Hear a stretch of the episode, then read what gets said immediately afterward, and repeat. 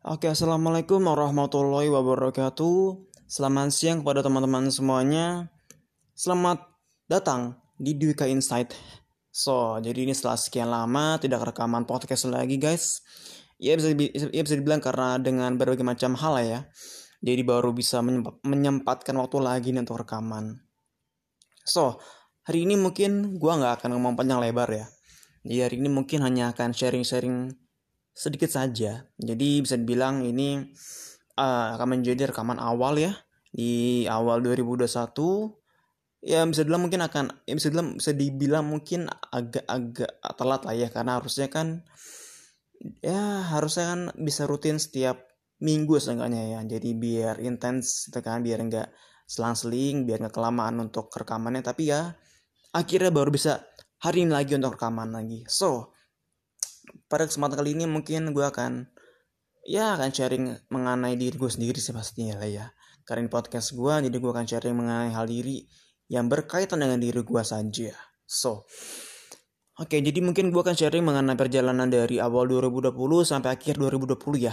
Mungkin ya bisa dibilang inilah ya kaleidos kaleidoskop selama setahun ke belakang untuk kan ya. Oke, yang pertama yang pertama mungkin ya mungkin dari awal mungkin dari awal dari awal tahun ya Januari sampai dua sampai Januari sampai pertengahan lah ya atau di sekitar Juli kalau nggak salah. Itu mungkin uh, sekian bulan untuk menuntaskan urusan kuliah ya.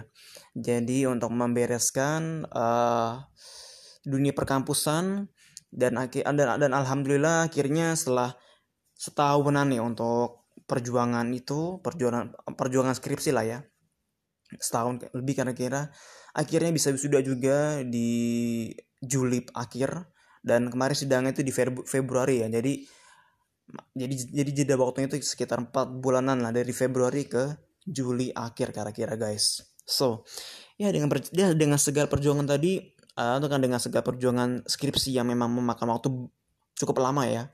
Dengan perjuangan juga dengan kondisi cara bicara seperti ini sehingga agak memang awalnya mungkin agak-agak menyulitkan sih untuk kuliah ya. Tapi alhamdulillah ala kuliah akhirnya bisa menyelesaikan kuliah ya dengan masa skripsi sekitar satu setengah tahun kira-kira. Wah gila sih memang. Bener-bener so wasting time banget sih memang. Membuang-buang waktu banget ya. Harusnya bisa mengejar goals target-target hidup. Akhirnya ya tertunda. Ya mungkin itu sejarah gua kali ya. Jadi berbeda dengan yang lainnya. Dan alhamdulillah support dari keluarga juga penuh banget. Jadi saya bilang support keluarga sangat-sangat full support lah. Jadi ya mungkin gua satu dari sekian juta orang yang beruntung kali ya bisa menyelesaikan kuliah selama waktu kur selama kurun waktu yang lama. Dan alhamdulillah keluarga bapak ibu cukup membantu banget loh. Jadi bukan melemahkan bukan menyudutkan tapi ya amazing itu loh. Support banget itu kan. Dengan kondisi cara bicara seperti ini dan dan dan, dan sangat sangat didukung banget tuh jadi ya lo pokoknya luar biasa banget sih untuk dukungannya gitu loh. Ya. Dan ya mungkin itu kali untuk sharing ya mengenai sedikit cerita lah dari perjuangan dan akhirnya dapatlah itu karena gelar sarjana sarjana sosial atau ISOS dari Fakultas Dakwah dan Ilmu Komunikasi, jurusan Komunikasi dan Penyiaran Islam dari kampus UIN Syarif Hidayatullah Jakarta. Ya mungkin itu saja untuk uh, apa namanya untuk perjuangan untuk ini ya sekilas cerita perjuangan semasa kuliah sampai akhirnya bisa lulus gitu kan. That's it. Itu saja mungkin untuk dari urusan kuliah. Selanjutnya mungkin saya akan sharing ya jadi kalau bisa dibilang setahun belakang itu ya itu sih perjuangan juga ya untuk apa namanya magang gitu ya untuk juga membesarkan usaha usaha keluarga tuh kan. Jadi kemarin juga sempat membuat social enterprise. Nah itu yang itu bernama PT Disable Enterprise. Itu foundernya itu adalah uh, Ibu Angki Yudhistia yaitu seorang yang sangat sangat menginspirasi sih. Karena beliau itu adalah sekarang ini juga, uh, eh, apa apa beliau karena beliau itu adalah seorang seorang yang tuli atau tunarungu dan beliau bisa menunjukkan kiprahnya hingga sekarang ini hingga akhirnya bisa menjadi seorang staf khusus milenial Presiden RI Indonesia di dalam bidang sosial. Dan beliau bisa dibilang satu dari sekian ya dari sekitar tujuh atau enam yang ya. Yaitu staf khusus yang dari generasi milenial tuh. Jadi anak-anak yang jadi orang-orang yang bisa dibilang masih muda terbilang muda tuh dan bisa masuk ke ranah pemerintahan. Ya sangat-sangat ini sih bersyukur lah ya bisa bekerja dengan beliau ketika bisa bekerja dalam bidang pekerjaan yang di, di mana memang uh, jarangnya itu itu social enterprise dalam mendukung atau membantu para disabilitas agar bisa bekerja di PT di di PT entah di PT BUMN atau PT swasta gitu ya. Jadi disable itu membantu jadi pada dasarnya adalah membantu para teman-teman disabilitas dari berbagai macam kategori agar bisa bekerja di berbagai macam PT entah itu BUMN, swasta dan dan lain-lain sebagainya lah ya. Jadi dari kemarin tuh gue uh, mendapatkan posisi dalam mengurus uh, sosial media. Uh, jadi admin sosial media dan desain grafis ya. Jadi uh, apa namanya?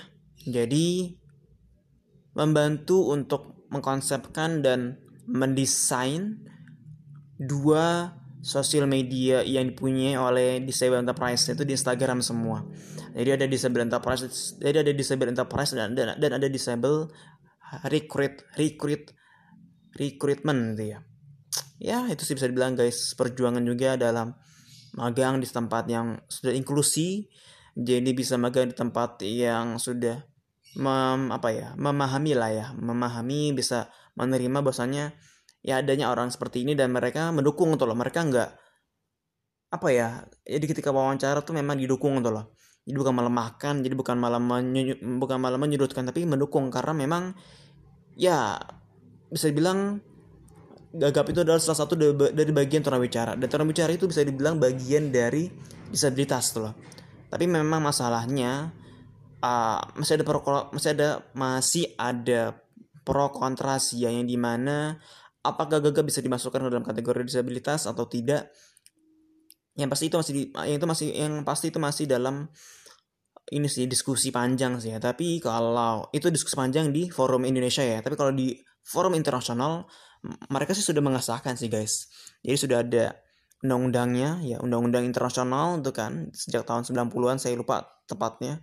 Tapi memang sudah ada tuh loh bahwasanya ya mereka memang uh, sudah mem, mem, sudah mengkonsepkan bahwasanya ada undang-undangnya tuh bahwasanya ini masuk ke dalam kategori difabel karena memang ya dengan berbagai macam itulah ya dengan berbagai macam pertimbangan dimasukkan ke dalam kategori disabilitas karena ya disabilitas juga banyak kategorinya guys. Jadi bukan hanya kategori yang hanya bukan hanya jadi bukan disabilitas yang terlihat dengan mata.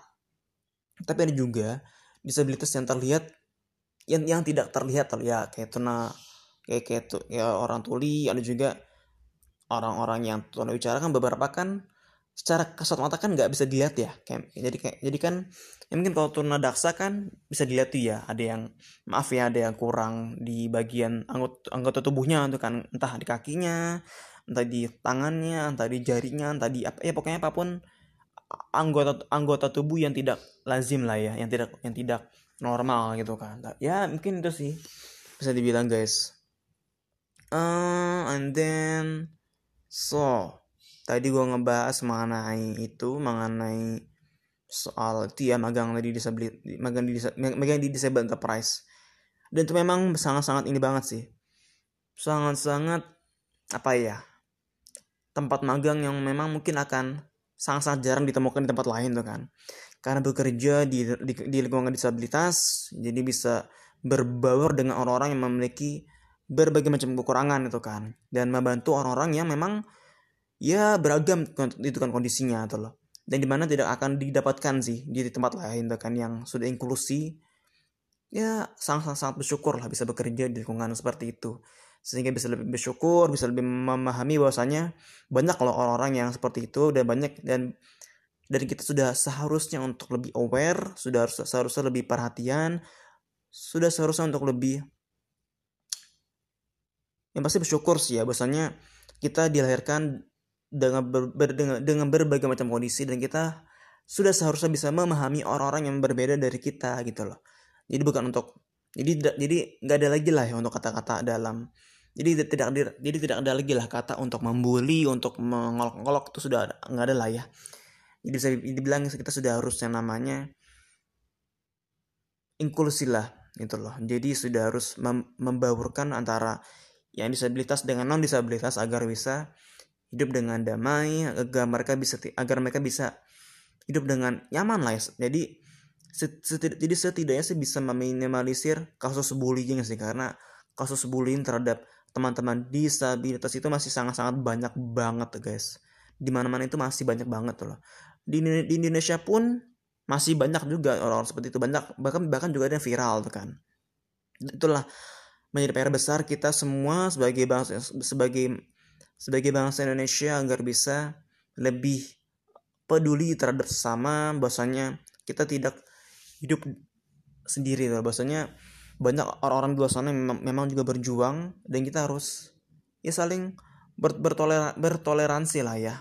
So, sudah sepantasnya kita me, menghormati dan saling mengasihi lah gitu. Ya mungkin guys mungkin mungkin itu aja guys untuk hari ini jadi jadi saya juga nggak usah berpanjang kata jadi saya juga nggak usah ber, ber berpanjang-panjang kata lah ya. Dan mungkin bisa kita lanjutkan di next episode selanjutnya. Oke okay, guys kurang lebihnya mohon maaf. Uh, wassalamualaikum warahmatullahi wabarakatuh. Terima kasih semuanya. Selamat siang. Bye